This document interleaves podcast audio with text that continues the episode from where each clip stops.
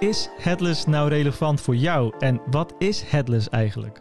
Ga je binnenkort aan de slag met het verbeteren van je website, je mijn omgeving of je webshop? Dan is Headless zeker iets voor jou. We praten er vandaag over met Jeroen Romeinders van Elephant en hij neemt ons mee in wat headless inhoudt, hoe je ernaar moet kijken en hoe je ermee zou kunnen beginnen. Mijn naam is Alain Ik ben Fabian. en je luistert naar de Digitaal Bijpraten podcast. Welkom, oude gast van de show. Nou, ik mag Hey. wel zeggen host van de show zelfs. Ja, jongen, echt. Leuk om weer terug te zijn. Ja, hoe is het Jeroen? Ja, goed man. Ja? Ja. Mis Ben- onze uurtjes wel samen, maar eh, het is ook leuk om als gast te zijn. Ja.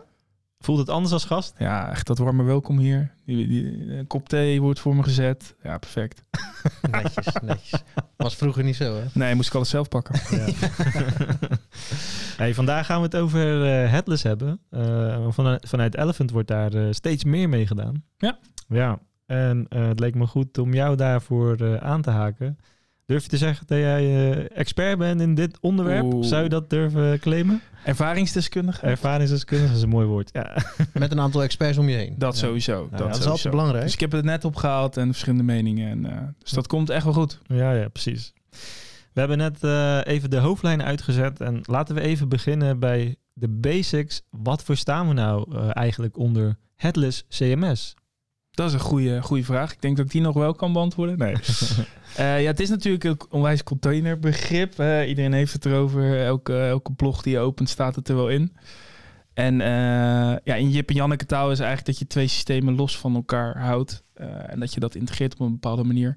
Maar dat het niet verbonden is. Ja. Dus ja, ik las laatst ook eigenlijk eh, headless zonder hoofd. hè. dus je hebt een, een voorkantje en een, en een lijf, zou ik maar zeggen. Mhm. En dat staat niet met elkaar in verbinding. ja. Die- jij ziet het gelijk voor je nu, Ja, hier, maar... ik, ik zie een lichaam, ja. Ja. je ziet het lichaam, maar het staat dus eigenlijk niet met elkaar ver- verbinding. En je kan eigenlijk, eh, nou, net zoals Sims vroeger, een ander hoofd erop zetten en een ander lijf eh, erbij zetten. Oké, Ja. inwisselbaar. Ja, met een eigenlijk een ander, eh, ander outfitje. Ik Ja. moet aan mijn Lego poppetjes denken dan. eh. Nou, precies dat ook, ja. Mhm. ja. Jij bent wat ouder, dus jij komt uit die generatie. Eh, maar hey, laten we hem nog even wat iets tastbaarder maken. Ja. Want twee, meerdere systemen koppelen aan één voorkant, heb Ja. je het over. Ehm, hoe kunnen we dat...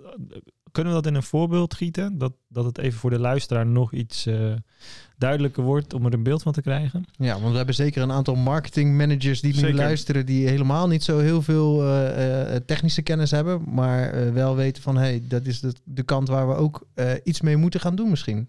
ja, nou ja, om het, om het in onze vaktermen, je hebt natuurlijk een front-end en een back-end. En Ja. een back-end is vaak waar je natuurlijk eh, processen in, eh, in doet. Hè? Of het beheer van je content bijvoorbeeld in je CMS. En een voorkant vertaalt eigenlijk die content naar hoe een eindklant of een potentiële kandidaat eh, jouw site ziet. Dus die maakt Ja. de voorkant. Ja. Ja, als, als je hem even plat slaat, het zou dus kunnen zijn dat je meerdere teams hebt over eh, die bepaalde content beheren. Blogs versus landingspagina's of productinformatie versus eh, ja, social content. Je- Ja, je, kom, je, komt, je gaat eigenlijk andere systemen gebruiken. En die, die integreer je naar één voorkant. Dat is eigenlijk de kracht. Terwijl je vanuit eh, vroeger, vroeger, dat is met jouw tijd, Faab, en Alain eigenlijk, nee. Maar dan had je gewoon één CMS en daar deed je alles, zowel de voorkant en de achterkant. ja, Maar wat je ziet is dat die markt natuurlijk eh, aan het exploderen is in verschillende soorten CMS. Eh, de techniek gaat harder dan ooit. ja. Hoe blijf je dan bij als alles maar in één tool zit? En hoe zorg je dat je dan toekomstbestendig ook iets kan hebben? Ja, ja, dus dat betekent eigenlijk dat je website niet meer alleen gevoed wordt vanuit het CMS, CMS, waarin je inlogt, maar ook vanuit eventueel andere systemen Kan, waar, ja. je, waar je informatie in opslaat. Ja. Eh, zij het productinformatie tot aan whatever, eh Ja. bij wijze van. En het betekent ook dat als, de, als je zegt van hé, hey, eh, die voorkant staat goed en ik wil die achterkant misschien wijzigen, kan je ook makkelijker die achterkant wijzigen. Zonder ook de voorkant helemaal op de schop te moeten gooien. Ja, even heel, heel plat geslagen en makkelijk vertaald met eh, bekende termen. Eh, ik heb een eh, Joomla achterkant eh, voor CMS en ik wil Ja. naar WordPress. Oké, laten we nu stoppen met deze aflevering. Joomla? Ja, dat is het voorbeeld ja, uit uit zijn tijd. CO2 Hives. Ja. Dus ik, ik zit met mijn Joomla eh, eh, eh, CMS. Eh, ik ben wel tevreden over de voorkant van de website. En die is gelukkig dan niet in Joomla gebouwd, maar Nee. los. Dan zou ik kunnen zeggen, ik ga nu naar WordPress. Bijvoorbeeld, ja, daar zitten wel wat haken en ogen aan. Maar in principe is dat wel het, eh, is dat het gesprek. Ja. En andersom zou ook kunnen. Ja. Ik ben blij met mijn achterkantje. hè, Mijn CMS. Ja, ik ben ook blij met mijn Ja. achterkantje. Nee, maar ik- dus ik ben blij met mijn CMS. Ik kan ook een nieuwe voorkant ja laten zeker. maken. Ja. Oké. Die je dan ook weer, als je daarna weer niet blij met je achterkantje wordt, dan kan je die ook verwisselen. Ja. Ja. Ik denk dat de, wel de core is dat die achterkant, dat is het belangrijkste. Oké. Ik denk dat mensen juist vanuit, kijk, ik wil die voorkant houden, ik wissel de achterkant. Oké. Ja. Want die techniek op die achterkant, hè, we hebben het over WordPress, bestaat al heel lang, maar dat is gewoon een, een supergoed CMS. Maar er ontstaan ook nieuwe CMS met al die learnings. Hè, en je wil wel als organisatie ook daar gebruik van kunnen maken zonder weer alles op de schop te moeten gooien. Aan Juist. de voorkant. Ja. Oké. Nou, dat- nou probeer ik me te verplaatsen in, eh, in de luisteraar. En eh, je zit in die marketingrol waarschijnlijk als luisteraar. Eh, een groot gedeelte van onze luisteraars in ieder geval. Wat moet ik hier nou mee? Wat moet een marketeer hiermee doen? Is dit, is het relevant voor alle type bedrijven? Of waar zit een beetje de scheidingslijn, zou je zeggen? Nou ja, kijk, wat je, wat, je, wat je sowieso eens moet doen is het intypen in Google. En dan zie je hoe de markt daarmee bezig is en hoeveel verschillende, verschillende meningen erover zijn. Hè? Dus het zit echt nog wel in een fase waarin grote bedrijven dit aan het implementeren zijn of gebruik van maken. En je ziet toch, hè, misschien de marketingmanager van het MKB, MKB Plus, moet vooral daar kennis en ervaring op doen hoe het voor hem of haar kan gaan werken. Ja, dus wat ik al zei op het begin, het is een enorm containerbegrip geworden. Dus iedereen heeft het over. Mhm. Dat, dat wil zeggen dat het speelt, maar dat het misschien nog niet helemaal concreet is en goed ontdekt. ja. En dan gaat het ook over dat je eh, veel processen al digitaal hebt lopen. Dus dat je bedrijfsprocessen richting je klanten, maar ook medewerkers steeds meer digitaal wordt. En Ja. dat het daardoor interessanter en belangrijker wordt. Ja, kijk, als jij je site gewoon als een visitekaartje hebt en je, en je, en je schrijft af en toe een blog en je, en je doet wat, ja, dan, dan is dit nog niet iets waar je aan moet denken, denk ik, in deze stadium, stadium van, het, eh, van het concept, zou ik maar zeggen. ja. Maar ben jij met meerdere producten bezig, meerdere teams, wil je digitaal echt slagkracht gaan tonen, dan is dit wel iets om in de gaten te houden. ja. En alvast te ontdekken dat als je bijvoorbeeld richting een nieuw CMS zou gaan, hè, met een nieuwe voorkant, ja, moet je dit niet overwegen, zou ik maar zeggen.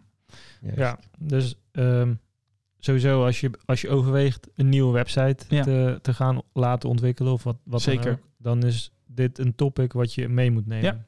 Gewoon om te kijken van, hey, eh, is, dit, is dit tijd voor ons om Ja. hiermee aan de slag te gaan? Ja, zeker. Ik, ik denk dat wel voor organisaties die, die, eh, waar eigenlijk de crux zit, is bijvoorbeeld in eh, organisaties met veel productdata. Uit bijvoorbeeld een ERP of wat dan ook. Hè? Dat, Ja. Daar staat ook wat, wat content in, hè? wat we content noemen stamdata. Maar ERP's hebben vaak ook nog wel eens wat meer data die je wilt tonen. Ja. En dan kun je dus op een bepaalde manier gaan ontsluiten naar die voorkant. Ja, Eh, terwijl dat vroeger heel erg complex was, kan dat nu veel beter.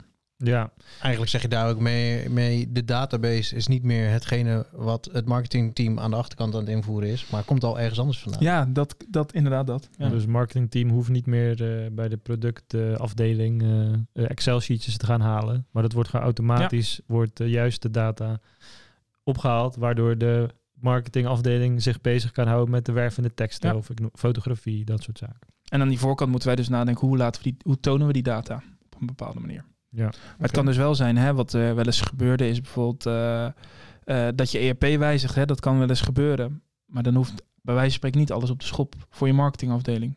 Ja. ja. Dus dat zijn eh, de lange termijn voordelen, zeg maar. Ja. Is dat je iets stabielere basis hebt eh, en, en minder afhankelijkheden. Ja, Hm. want het gebeurde natuurlijk wel eens dat WordPress gekoppeld was aan een ERP bijvoorbeeld. Ja. dan, als, als je, eh, dan, dan moet je WordPress gaan vervangen, maar dan werkt je ERP ook niet meer goed op die manier om die datastroom eh, intact te houden. Dan moet je die koppeling bewijzen van volledig weer opnieuw. Volledig weer opnieuw. Gaat Ja. enorm veel development tijd in, in zitten. Vinden wij als bureau heel leuk. Hè? Begrijp niet verkeerd. maar het is, het is gewoon niet toekomstbestendig, zal ik maar zeggen. In de mate waarin de technologie verandert. Ja. Ja. Dus naarmate er, er meer complexiteit, dan wel technisch, dan wel organisatorisch, eh, eh, eh, is dit een, een onderwerp wat steeds belangrijker zou moeten zijn. Grotere teams, zal ik zeggen, in, in je marketingafdeling. maar het leuke wel, vind ik, is dat als je als marketing, marketeer misschien in je eentje met z'n tweeën zit, ga het wel eens ontdekken. Want het is vaak dat het op zo'n corporate level, hè, of een slag daaronder, daar wordt het neergezet. Ja, en dan rolt het uiteindelijk wel een keer weer naar het MKB of MKB Plus. om te zeggen. Ik geloof daar wel in dat het een techniek is die we aan het ontdekken zijn wat neerstaat. En wat misschien op een bepaalde manier voor jou kan gaan werken. Ja, Dus ik zou wel altijd advies geven, blijf het wel volgen en, en ontdek je erin. Ja. Juist. Ehm, als je kijkt naar w- naar wat voor systematiek er allemaal is. Eh, in het speelveld CMS, de CMS-wereld. Is WordPress bijvoorbeeld headless? Hè? Dat zie je. Dat is ook al Ja. een topic op zich. hè? dat is... Nu moet ik heel erg gaan oppassen wat ik zeg. Nee. Ja. Ja, kijk, in principe eh, kan je WordPress headless maken. In principe, dat, dat zou kunnen. Het is natuurlijk wel een CMS wat bedacht is met een frontend en een backend. Mhm. En er zit frontend natuurlijk wel wat andere technieken op. Eh, middels, middels bijvoorbeeld plugins hè, is dat dan headless, want je toont data, maar de plugin zit in de backend. Hm. Als ik te snel ga, moet ik zeggen. Voor jullie waarschijnlijk niet, maar jullie kunnen we opletten voor de luisteraar. Kijk, een plugin zorgt dat je vanuit data in WordPress data kan tonen aan je voorkant. Sommigen zeggen, ja, dat is al een beetje headless. Maar ja, in principe is dat niet, niet helemaal waar, zo zeggen. Ja. Want het zit geïntegreerd in je backend. Ja. Maar je hebt dus nu wel bijvoorbeeld een storyblok, hè, wat heel erg gebaseerd is op het voorkantje. Dat is ook een CMS. wat Ook een CMS, ja. Maar waar backend, of waar, waar gewoon de backend minder van, ja, zoals wij het zien, backenders, backend developers veel minder nodig zijn, omdat de frontender eh, veel meer die voorkant kan tweaken. En die backender ei- eigenlijk alleen moet zorgen dat die data naar die voorkant komt.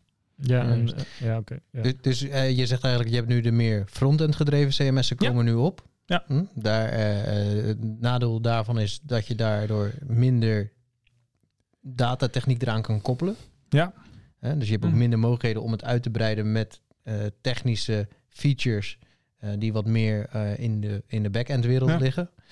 Dan hebben we daarnaast, ik noem het dan even de wat meer hybride vorm, de WordPress, die heel bekend is bij heel veel mensen. die koppelt, heet het officieel, maar de, inderdaad, dat is wel, ja. Ja. dat is een beetje de, de, de, de, het middenvariantje, waarin een achterkant en een voorkant gelijk worden geleverd, die je wel los van elkaar een beetje kan tweaken, maar ze zijn altijd met elkaar verbonden.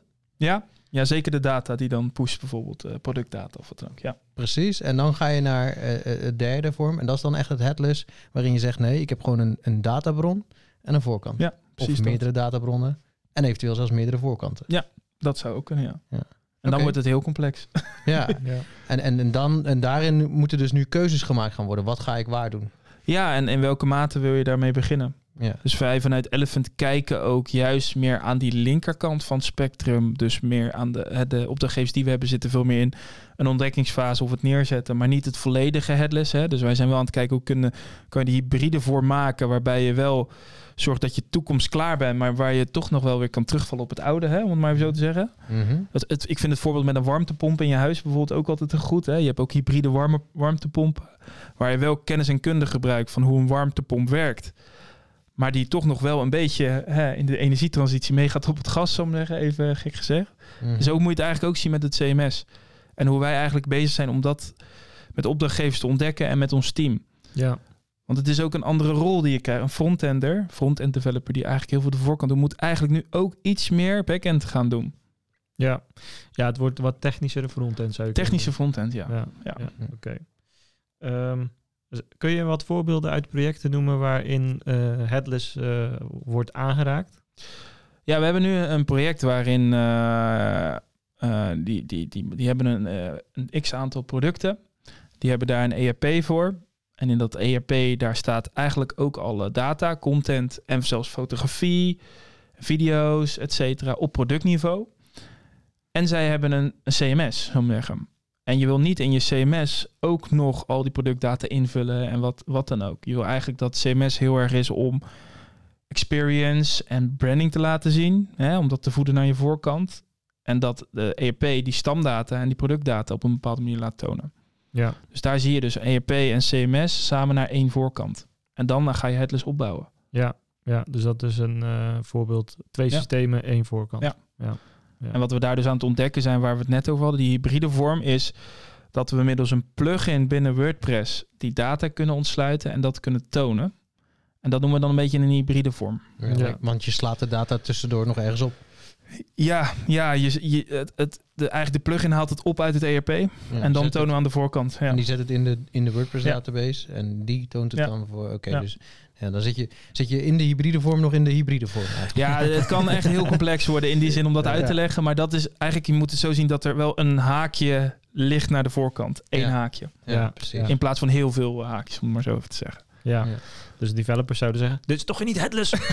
nou ja, dat is dus wel eh, waar je het over hebt. Ja. Ja. Terwijl vanuit de commerciële kant wordt het wel als headless verkocht. ja. En, Ja. En, en nu hebben we over headless als een, een ding wat iets is. Maar misschien is headless ook wel veel meer een visie. Ja, een visie, een methodiek. Ja. Eh, ja, het, het is niet ik wil morgen headless, dus ik koop het zo zeggen. Het is anders beredeneren van je data en je content. Juist. En hoe je dat positione- positioneert aan je voorkant en het beheert aan je achterkant. Ja. Want hoe meer headless, hoe minder afhankelijk. Ja, ik denk dat dat de belangrijkste factor is om te zeggen van headless, is dat je minder afhankelijk bent van bepaalde systemen. Ja. Want je kent het wel, je koopt een SaaS-oplossing, een soort van lock-in, we kennen dat allemaal. Dat, nou, we hebben het zelf misschien ook wel eens ervaren. Dat vreet al je bedrijfsprocessen op. En als je het eruit wil doen, denk je, ja, dat kan eigenlijk helemaal niet, want alles zit daarin. Ja. Zo moet je dit ook zien, zo zeggen. Je wil eigenlijk je technische stack wat meer verbreden, zodat als een keer, daar ga ik niet vanuit WordPress om zou vallen, of WordPress wordt WordPress niet meer en, en het mislukt, geen idee, dat je dan heel makkelijk die backend kan eh, verwisselen. Ja, maar dat is ook een beetje vanuit eh, het bureau gedachte. Ja. Oké, eh, we moeten, we moeten agile zijn op de markt. Ja, Er kan best wel een ander systeem komen wat opeens heel erg tegen WordPress aan gaat boksen. Dat je, dat je snel een omslag kunt maken ja. Naar Kijk, dit- iets anders. Eigenlijk als je vroeger keek, was dit de komst van open source. Hè? Ja. Als je kijkt naar open source is gekomen omdat vroeger had je eigen CMS'en van bureaus. Nou, zieke lock-in. Wilde jij doorontwikkelingen, zeiden sommige bureaus, ja, eh, tien andere klanten moeten dit ook doen, dan gaan we het pas doen. Je- Je zat helemaal vast. Toen zijn we meer naar open source gaan kijken. En dat is ook al een mindere mate van afhankelijkheid. Hè? Meer eh, toegankelijk voor andere bureaus, meerdere developers, communities erop. Ja, Ja. ik denk dat dit, zal ik zeggen, de volgende stap weer is in dat, in dat ecocentrum van afhankelijkheid eh Ja. Verminderen. Dus als eh, bedrijf zijnde zou je daardoor ook kunnen zeggen... we nemen eh, even heel extreem genomen... we nemen een bureau aan die heel erg goed is op de frontend... de voorkant, interactie, beleving... En we nemen nog een bureau aan die heel erg architectuur gedreven is. Ja. En die doen gewoon hun eigen dingen. Tuurlijk moeten ze afstemmen met elkaar. Maar als klant eh, heb ik al, in plaats van dat ik alles weer leg bij één eh, partner, heb ik twee partners en heb ik mijn risico een beetje verspreid. Ja, precies. Dat zou wel inderdaad vanuit agency-landschap echt wel iets eh, zijn wat kan gebeuren. Dus Ja. agencies gaan denk ik daar ook een, een ja, choose your battle in kiezen, zo zeggen. Ja, En eh, wij zitten daar nog tussenin. En ik denk voor de markt die we bedienen en de opdrachtgevers is dat prima. Maar ga jij complexere, grotere klanten bedienen, die doen dit al eigenlijk. En dan Ja. zie je vaak een branding agency wat meer aan die voorkant ook beetpakt. Dan zegt hij, we gebruiken bijvoorbeeld Storyblock als Atlas CMS. En dat ze dan een hele technische partij invliegen om de integraties te maken en eh, vanuit de achterkant te beredeneren. Ja, op, op eh, het, het hoger niveau Ja, tussen ja. aanhalingstekens is dit eigenlijk al een beetje de standaard. Ja. Ja. Maar die schaal is daar ook eh, dermate hoog in het produceren van content, de touchpoints die ze hebben als grotere merken, Ja, waarbij je hier eigenlijk niet echt omheen kan misschien zelfs als bedrijf. Als je wat nee, als je op gaat. die, eh, die schaal zit, nee, zeker weten niet. Ja. Dat zijn de, de grote corpus die wereldwijd met meerdere marketingteams, meerdere uitgangspunten, apps, noem het maar op, eh, zitten. Ja. ja, dan moet je dat wel beter gaan organiseren. zeg ja, daar is die afhankelijkheid helemaal eh, ook belangrijk. Ja, Ja. ja, terwijl als jij hier een, iets hebt en je bent heel lokaal gedreven in Rotterdam, Ja. ja, dan speelt het, kan ik me voorstellen, dus niet heel erg. Nee, het is echt in welke mate ben jij digital, wil je digital aan de slag richting de toekomst met je, met je content en met je site en met je platformen? Ja. Hey, en dan eh, kosten-baten, is dat ook een beetje dezelfde vergelijking? Eh, levert dat je meer op, misschien een tijdsbesparing of dat soort zaken, naarmate je dus groter en complexere processen hebt? Zou je dat zo ook een, een als je een business case zou moeten maken? Nou, kijk, ik denk dat je business case voornamelijk zit in, in, in de, eh, dat je minder afhankelijk bent van één systeem. Hè? Dat je dat zou ku- kunnen terug eh, naar je operating cost, bij wijze van spreken. Van hoe snel moet ik zo'n systeem vervangen of in welke mate. Ja. Kijk, het headless opbouwen, ja, wat wij zien, is wel wat eh, arbeidsintensiever dan een CMS met een voorkant en achterkant, om het maar zo te zeggen. Omdat er al heel veel dingen klaarstaan. Ja, ja, precies. Ja, daar staat, eigenlijk, ja, daar staat het eigenlijk al klaar. En In dan die zin- bouw je gewoon een stuk en je bouwt er een stuk aan en that's it. ja, je even heel eh genuanceerd, je doet de nuances. Hè, dat is wel heel erg even klein gemaakt. Maar kijk, en met de headless moet je wel echt twee, eh, twee dingen gaan, eh, gaan oppakken daarin. Ja. En de complexiteit zit er voornamelijk in de teams. Want je, je frontend gaat veel meer in die backend verweven. Dus ook als bureau zijnde is er ook een hele ontwikkeling eh, gaande daarin. Ja, ja. Dus dat betekent dat de investering eh, wel wat flinker is dan wanneer je echt focust op de website. Eh, maar eh, dat je moet dat voor een langer termijn gaan Ja, je moet het beredeneren. echt voor de toekomst gaan zien. En, hoe, en dan kom ik toch, ja, hoe onafhankelijk wil je zijn van één systeem? Als je daar heel erg op drukt, als Ja. organisatie zijnde, hè? En je, je hebt ook organisaties die zeggen, we ontwikkelen zelf onze eigen ERP ook om, dan hebben we het zelf in de hand. Hm. Goed, misschien is dat ook niet altijd juist. Ehm, maar daar, daar zou ik hem echt omheen bouwen. Ja, oké. Ehm, stel je zou hiermee dus aan de slag willen. Je zegt, je gaat het ontdekken. Ja. Eh, eh, ja, hoe kun je dit ontdekken? Wat zijn een beetje de vragen die je meeneemt voor, je, voor jezelf of binnen je team?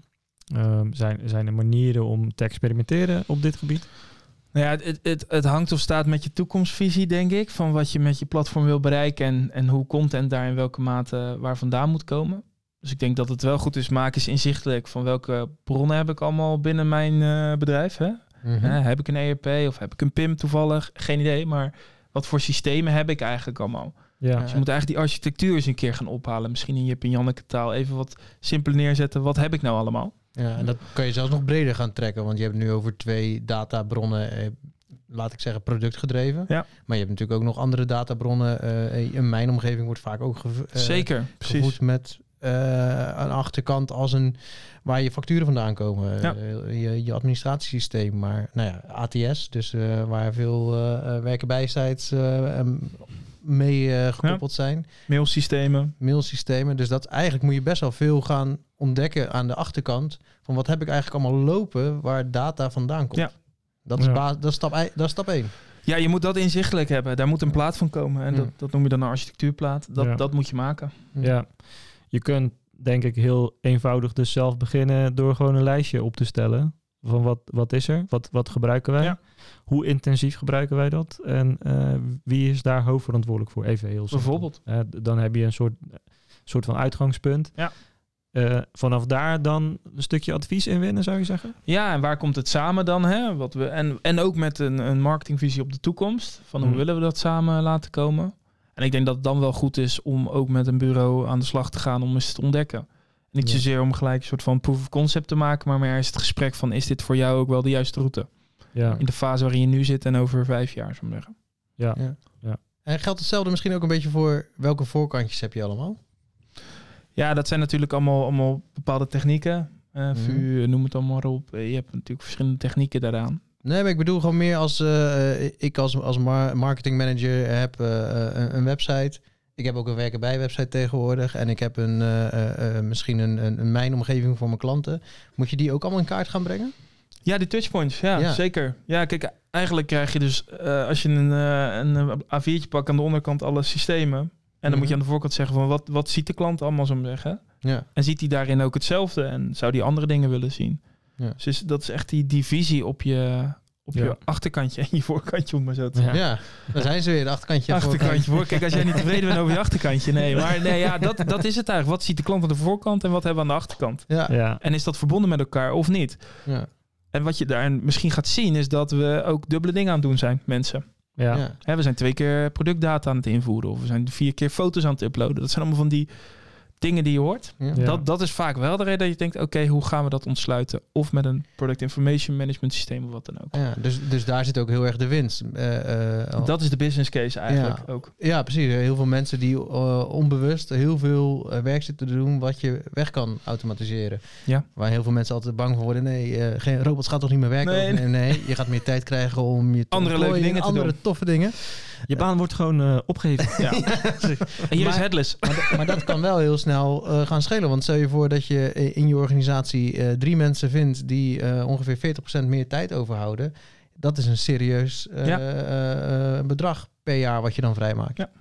En, Hmm. daar, en dat zijn de dingen waar je onder andere moet naar, naar gaan kijken. Ja, en je ziet het dus ook vaak in eh, foutieve informatie op verschillende platformen. Is dat het heel vaak eh, overgetypt moet worden of ergens anders opgezet moet worden. Noem prijzen, noem, Ja. noem bepaalde productspecificaties dat die dan op de site anders zijn dan op de mijnomgeving of zo bijvoorbeeld. Ja. Als je dat begint te merken, dan is het wel eens tijd om, om te gaan ontdekken hoe kan ik dit vanuit één databron ontsluiten naar of meerdere databronnen, maar wel dat dezelfde voorkant zichtbaar is. Ja. Ja, dit heeft heel erg met zeg maar interne dynamiek te maken ook. Ik, kan- eh, eh, is dit een marketing manager die de kar trekt voor zo'n type ding? Want dat, dat is Ja. eh, hoe, hoe, eh, met wie werken jullie als je aan, aan een headless traject werkt? Eh, Is dan jullie hoofdaanspreekpunt de marketingmanager als eh, hoofdrol? Of zie Nee, je het gaat vaak dingen? over andere rollen. Want je Ja. gaat bijvoorbeeld ontsluiten met wat Fabian ook terecht zegt. Een ATS is eigenlijk ook hetzelfde. We halen vacature teksten die het ATS, Applicant Tracking System, de meesten kennen dat wellicht wel, maar dat is dus een CRM voor je kandidaten. Daar vullen mensen waarschijnlijk de vacature in.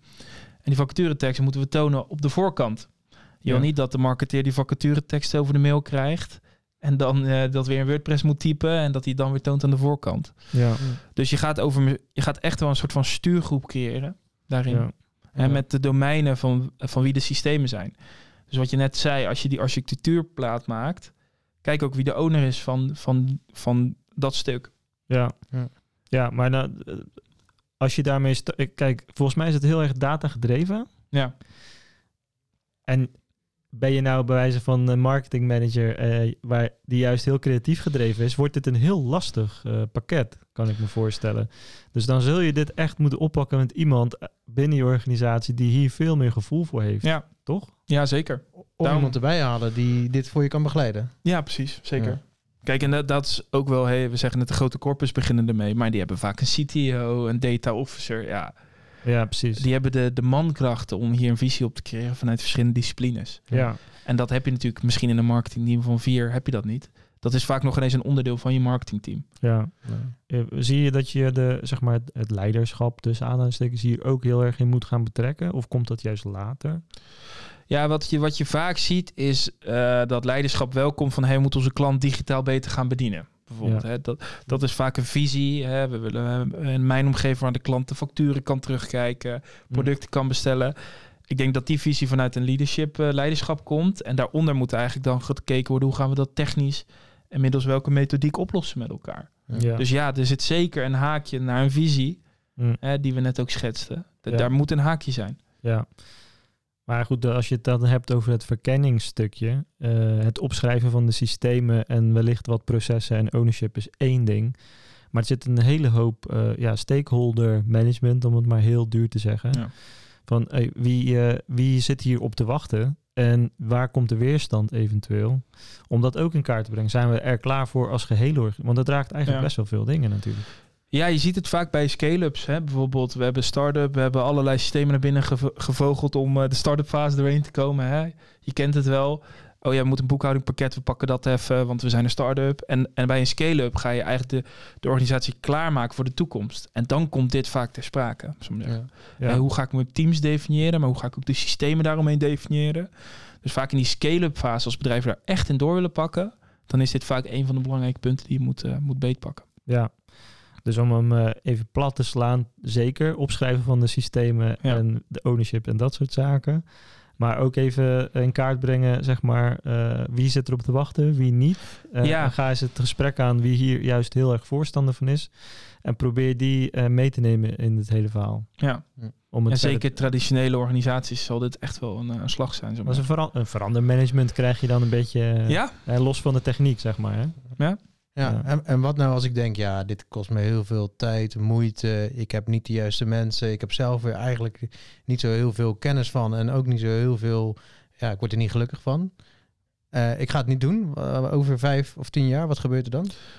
Ja, dat, dat is dus denk ik in welke mate je echt met, met dit domein bezig bent. En, en als digital niet echt een onderdeel is van je visie als bedrijf, dan vraag ik me af of je dit, ja, dan over vijf jaar kan je nog steeds draaien zoals je zou doen, denk ik. In Ja? die zin. Maar het is echt een, een, een veranderslag als organisatie. Het raakt ook echt wel. Ja, een stukje digitale transformatie klinkt misschien heftig, hè, maar het is wel echt een andere manier van denken. Ja, Dus waar, je echt tijd en moeite moet investeren. Nou, ik denk meer de, de vraag van Fabian, als ik hem eh, mag vertalen, is: eh, kun- heb je nog bestaansrecht over vijf tot tien jaar Ja. als je dit niet doet? Ja. Mag, hè? Ja, wo- word je niet aan alle kanten ingehaald door de, de partijen die ja, wel die het wel zouden kunnen. Dat is natuurlijk een beetje eh, marktafhankelijk. Maar ik denk wel dat je het nu het zaadje moet gaan planten al. Ja. Maar dat vijf jaar misschien, ja, dat, wie zegt het? Maar dat je daarna wel dit moet gaan ontdekken om dit verder te gaan doen, zo maar. Ja, zie, zie je veel organisaties die hier een beetje eh, um, wakker door worden? Van dat, dat een aantal organisaties het nu onder de knie krijgen, dit stuk, en daardoor heel snel meters kunnen maken? Ja, het zijn een beetje de, de early adapters natuurlijk die dan nu komen en dat gaan proberen en daarover gaan posten en dan ga je het lezen. Maar ik denk dat het best nog snel kan gaan. Ja. Ik, ik vind het juist, ja, het voorbeeld is ook nog eigen CMS via V- VS open source. Daar hebben we precies hetzelfde gezien. Ja. Heel veel klanten die zaten op een eigen CMS en wij krijgen nu heel veel aanvragen van, eh, van Elephant. Nu pas, hey, we willen open source software gaan gebruiken. Ja, daar is dus ook een, een serieuze tijd over gegaan. Mm. Tien Maar- jaar. Ja maar, la- ja, maar laat het maar eens los. Ja, weet je wel? precies. Dat is gewoon het hele gesprek. Laat het maar eens los en ga maar eens wat nieuws doen. Dat raakt zoveel. Ja. Ja, dat zie je denk ik eh, zeker in, in, in de wat eh terughoudendere MKB-bedrijven, familiebedrijven Ja. zeg maar, Ja. Waarin iemand al 40 jaar eh, eh, eh, aan, aan de top staat daar en de dingen bepaalt. Ergens komt er een transitie. dat is wat ik regelmatig Mhm. heb meegemaakt nog in de projecten. En er komt een soort van frisse wind. En die, die wil wel echt gaan veranderen. En dat heb je denk ik ook wel nodig in een organisatie. Iemand die graag wil veranderen. Ja, sowieso. En dat is niet alleen systeemgedreven, maar dat is ook gewoon denk ik als organisatie zelf. Ja, Kijk, ik denk dat je door, door alles wat we kunnen vinden op het internet, door alles wat er gebeurt, dat je sneller dan ooit eh, moet anticiperen op verandering in de markt bijvoorbeeld. Hè. Dat is ook zo'n ding. ja, Uh, dus eh, ja, dat gaat eigenlijk, eigenlijk is dit wat we nu plotten eigenlijk voor heel je organisatie. Ja. ja, Hoe ga je hem klaarmaken, zo maar zeggen. ja, En wanneer ga je dit doen? Dat is Ja. denk ik even ook mate van de agenda van... eh, ja. Zeker. Hey, en vanuit eh Elephant, het stukje verkenning. Ik zie best wel veel eh, mogelijkheden waarin Elephant daar een rol kan betekenen. Doen jullie dat al? Heb stra- strategisch gezien hè, dat je meedenkt of, of eh, eh, ja, faciliterende rol denk ik meer hebt van oké. ja. Ja. Ja. dus we- vaak doen we ook eh, verkennende gesprekken in de zin van dat we wellicht wat tips en tricks kunnen geven om die plaat te maken. Hè? Omdat we je ook graag verder helpen. Omdat we denken, ja, een stukje kennis delen helpt jou verder. En hopelijk denk je nog eens een keer aan ons. Maar we doen ook best wel uitgebreide strategische uh, sessies en een strategietraject echt. Waarin we dat in kaart voor jou gaan brengen. En ook challengen van, hey, je hebt deze systemen. Hoe, uh, hoe kijkt de eindklant tegen deze systemen? Door interviews bijvoorbeeld. Hè? Dus we gaan hem ook nog wel verder weer leggen. Ja. ja dus eigenlijk een, een partij zegt, hey, dit zijn mijn doelen. Ja. Uh, dit, zijn, dit is mijn huidige structuur, denken we. Precies, ja. Dat, ja. Uh, hoe, hoe, hoe kunnen we die structuur beter maken en toekomstgericht zijn? Ja. Ja en dat is, de, dat is dan de basisvraag waar jullie gewoon zeggen van nou, kom erop. We Ja. gaan samen naar een plan uh, werken. Ja, en daar challengen we dus ook om te weerleggen of die visie klopt bij de eindklant. Dus ik denk dat daar ook wel vaak de kracht in zit van een, een onafhankelijke partij. Ja. Hè, de, uh, moeten we wel mijn omgeving gaan maken als geen klant erop zit te wachten? Bij wijze van spreken. Moeten we e-commerce gaan doen als een klant gewoon wil bellen? Ja. Die vraag willen we weer leggen, want het heeft te maken met ook hoe je die architectuurplaat uh, uiteindelijk maakt. Ja, precies. Okay. Dus zeker weten, ja. ja. ja. Hey, voor mijn gevoel zijn we wel uh, even in de hoofdlijnen door, de, door het onderwerp heen. Ja. Uh, we hebben vooral wel proberen weg te blijven van het in-depth gaan. Ja, dat moeten we echt een andere keer doen en dan moet er een, uh, een developer bij zitten. Ja, ja, ik denk ook een ander publiek dan. Ik denk Andere dat het ja. veel meer gaat over die mindset, ja. uh, signalering, wanneer heb je dit nodig? Ja. Nou, om dat even snel samen te vatten, wat ik van jou begrepen heb, heb je veel databronnen, uh, is er veel werk waarin data overge ja, handmatig overgebracht wordt, maar heb je ook meerdere voorkanten, dus meerdere touchpoints. Ja. Uh, ja, dan moet je serieus hierover na gaan denken. En als je dat dit nu niet goed hebt ingericht, dan, uh, ja, dan is vandaag de, de, de dag om te starten. Want dan pas over twee, drie jaar heb je het waarschijnlijk goed staan. Precies, het is echt Duurt een transitie. Ja, ja, het is echt zeker. een transitie. Oké, okay, dus dat is denk ik vooral de boodschap. Maar ook denk ik een hele eerlijke boodschap is van, nou ja, is het redelijk eenvoudig bij je? Hoef je hier nog niet per se Nee. direct aan te denken, maar verken het in ieder geval. Ja, lees je erop in. Ja. Ja. En dat is wat we net zeiden, het is een methodiek, dus je kan ook het, misschien kleine punten eruit pakken. Ja, ja het hoeft okay. allemaal niet in één keer heel groot. Nee, ja. dat is altijd met nieuwe innovaties. Ja. En je hebt de mensen die als eerste gaan, de beta's om het maar zo te zeggen, en je hebt de mensen die daar wat volgen. Ja, je moet zelf voor jezelf kiezen waar ga je, waar ga, welke kant ga je staan. Ja. Goed. Ik, uh, ik denk dat het een mooie afsluiter is. Top man, uh, leuk om hier weer eens te zijn. Zeker, ja. Laten we hem binnenkort nog eens een keertje doorpakken. Oh, nee. uh, want ik denk dat er nog best wel meer ontwikkelingen zijn bij Elephant die, die je mag, of als je dat ja? wil, gaan delen. maar voor de headless stuk laten we het hierbij houden. Top. Hey, thanks. Hoi. Hoi.